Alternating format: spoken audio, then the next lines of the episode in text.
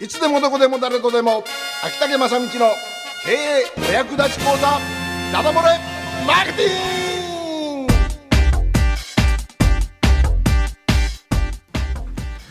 時刻は6時を回りました、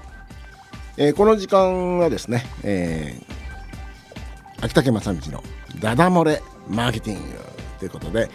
この FM 北九のスタジオから生放送でお送りしております。お相手は関門独立共和国初代暫定大統領の秋竹正道あ門司港のバナナマン秋竹正道。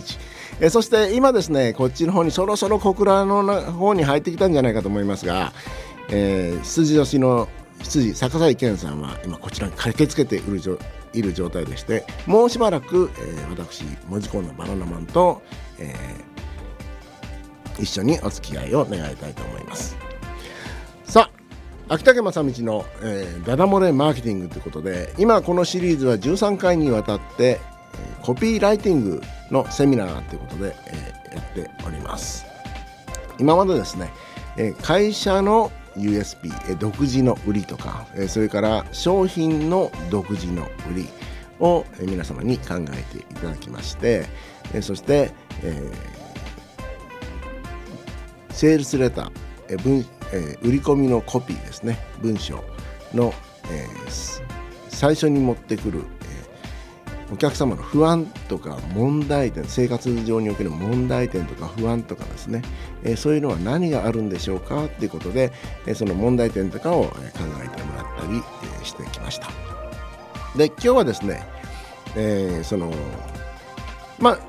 何かを販売しようとした時にやっぱりお客様、えー対象となるお客様が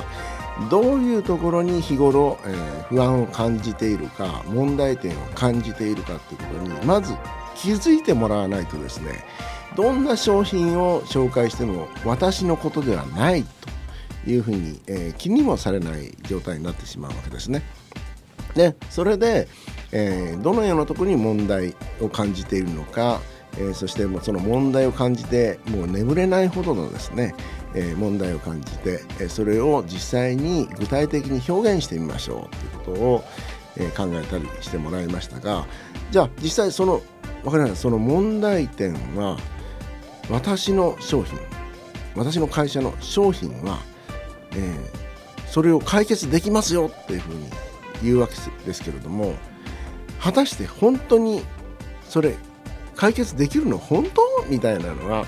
えーそういうセールスレターを読んでるお客さんは、えー必ず思うことであります。セールスレターで大切なこの文章の書き方の順序として、えーこれは、えーこの番組では何度も出てくるんですがまず最初に問題点を提起しましょう、えーそして次にその問題点をもっと分かりやすく、えーアジテート炙り立てるような形でもっと分かりやすく、えー表現してあげましょう。例えば、えー朝起きて、えー腰が痛いとかありませんかっていう、えーそういう問題点を定義したとしましょう。そしたらその後に私にもよくあるんです。実は朝起きるのが辛いと、えこういうふうな ちょっとですね、えー 詳しい、えー分かりやすい説明を、え加えてあげて共感を得る。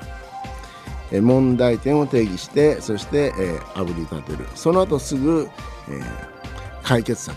実はそういう方に、このような商品がございます。というふうに商品を、提示してあげるんですね、そうしますと、え自分があそうそうそういうことあるんよねと思った時に、えーこんな商品があるんですよって言われたらえそれ本当？っ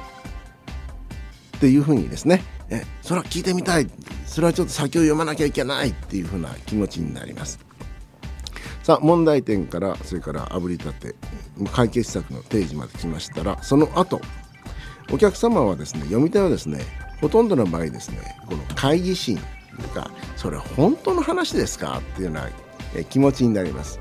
あなたさいいことばっかり言ってるけど私のこの腰の痛いのはちょっと年季が入ってるのよってそうそう簡単には治んないんだからってえそれからいろんな、えマッサージにも行ったしそれからいろんな人に見てもらってもなかなか治んないのよ。そんなに簡単に治るもんがあったらそれはもう今まで本当に私欲しいわよって思うんだけどそんなのきっとないに決まってる。きっと、えーこの業者さんが大げさに誇張して表現してるに決まってるみたいなですね、え、そんなイメージを持つ持ってしまうわけです。でそれをいやじゃないんですと。これは本当に、えー、あなたにとって ためになる、えー、価値のあるもんなんですよっていうことを、えー、文章、えー、広告文の読み手に伝えなきゃいけないんですけど、え、その時に威力を発揮するのが圧倒的な、え、証拠ですね。圧倒的な証拠、え、つまりですねどういうものかと言いますとお客様の声。実際に買ったことのあるお客様の声であったりそれから、えー、学者さんの声。例えば大学教授がこうこうこういうデータを見るとこれが非常に効果がありますよとかですね。それからあと芸能人とか有名人、えいかにもですねあの本当の、え人の良さそうな方がですね私はこの商品をお勧めしますみたいなことを言いますとあなんとなく、えー、本当に、えー、良さげな商品だなというふうに思ってしまうわけです。ということでその お客様はほとんどの場合このセールスレターとかコピーをまず信じていないと思って取り組まなくてはいけません。まず読んでも、えー、全然信用してないから買おうと思わないでそれをなんとか買ってもらわなきゃいけないんですがその時に、えー、なぜ私の商品があなたのその問題点を解決できるのか。圧倒的な証拠は何度、え、どんなものがありますかという質問に、え、答えてもらってですね。そして、えそこに、えそれを解決できる証拠となりうるものを、え提示してあげる必要があるわけで。それがお客様の声だったりそれから学者それから医者とかですね。大学教授とかの声だったりあるいはプロの選手とか専門家とかあるいは芸能人とかですね有名人著名人この方々の声を載せるということになります。よくあの新聞とかでもですねそれから新聞に入ってるチラシとかあるいは雑誌ですね、えー、例えばうんお客様の声を主体としたあるいはその知識人有名人の声を主体とした雑誌ありますね。あのカタログハウス。の通販生活とかですね、えー、そういうのは本当にお客様の声というかその著名人の方が、えー、推奨するような形でページが構成されたりしています。それから夜あのまあ、日中もありますがテレビなんかで行われているテレビショッピング。テレビショッピングですね、えー、こういうのにもよく例えば運動マッサージ機とかそれから運動ダイエット用の器具とかにですねかっこいいこうお姉さんが出てきてですね私はこれを使っていますとか言ったりあともともと少し、えー、ぽっちゃり型だったのにこれでやることによって、えー、スリムになれましたっていうような実体験をした人が出てきたりよくしますよね。えー使用前使用後といいますかそういうふうな、えー、表現が適切かどうかは分かりませんが、えー、使ったみたいの、えー、実際の姿とかですね。だからこういうのが、え効果を証明する圧倒的な証拠になります。まず問題点を刺激してそして、えそれをあなたに回るでしょっていうふうにあぶり立ててそしてうちの商品私の商品はこんな効き目があるんですよっていうを言います。その次にその証拠に何々先生はこういうふうにおっしゃってます。また実際に使われたお客様はこういうふうなことを喜んでおられます。えさらにまたテレビでよく見るあの著名な方も使っているんですよというようなえこういう圧倒的な証拠をどんどんどんどん、えー、これでもかというぐらいに、え文章の中に、え表現していってあげる。ということで、えお客様読み手はですねその文章にどんどん引き込まれてあこれ本当かもしれないっていうふうになってくるわけです。さあ今週はですね、えあなたの商品が、え、お客様の不安不安や問題点を、え、解決する。一瞬にして解決する、え、その圧倒的証拠は何でしょうか？というこの質問、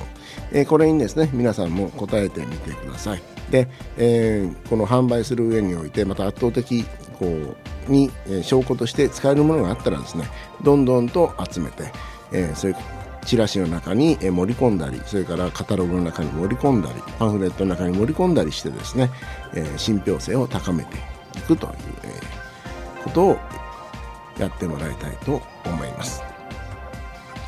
さあ次回はですね そういうふうにやって、えー、書いていきますとお客あの読み手がですねどんどん買う気持ちになりますのででそこで、えー、私も買いたいと思ってくれることになりますがここでですねそのまま、えー、文章をさあお申し込みください。では面白くないんですね。面白くないんです。でさあその気になってもらいました。さてちょっと待ってくださいお客さんというその部分。えそれをですね、え来週扱ってみたいと思いますそれはお客様の絞り込みというような表現されますが、えその分、えこのですね絞り込みがあるかないかによって、え DM それからお手紙の反応値がぐーんと変わってきますので、えー、ぜひぜひ来週はお聞き逃しのないようにお願いいたします。さあ秋竹正道のダダ漏れマーケティング、えー、コピーライティングセミナーでございました今日は圧倒的な証拠を集めましょうということでございました。